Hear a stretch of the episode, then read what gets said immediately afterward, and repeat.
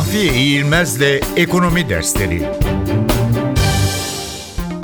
Üretim Ekonomik bir yarar elde etmek, insan ihtiyaçlarının tatmin edilmesinde kullanılan mal ya da hizmetleri ortaya çıkarabilmek için yapılan faaliyetlere üretim deniyor. Üretim daha teknik olarak emek, sermaye ve diğer üretim girdilerinin bir araya getirilerek mal veya hizmet biçiminde bir çıktı elde etme faaliyeti olarak tanımlanabilir.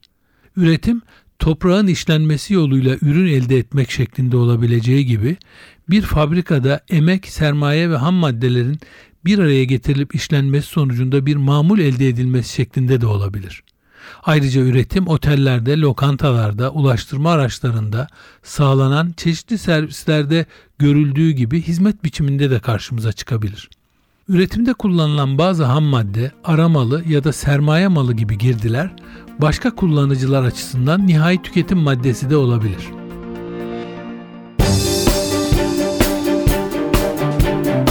Mahfiye İğilmez'le Ekonomi Dersleri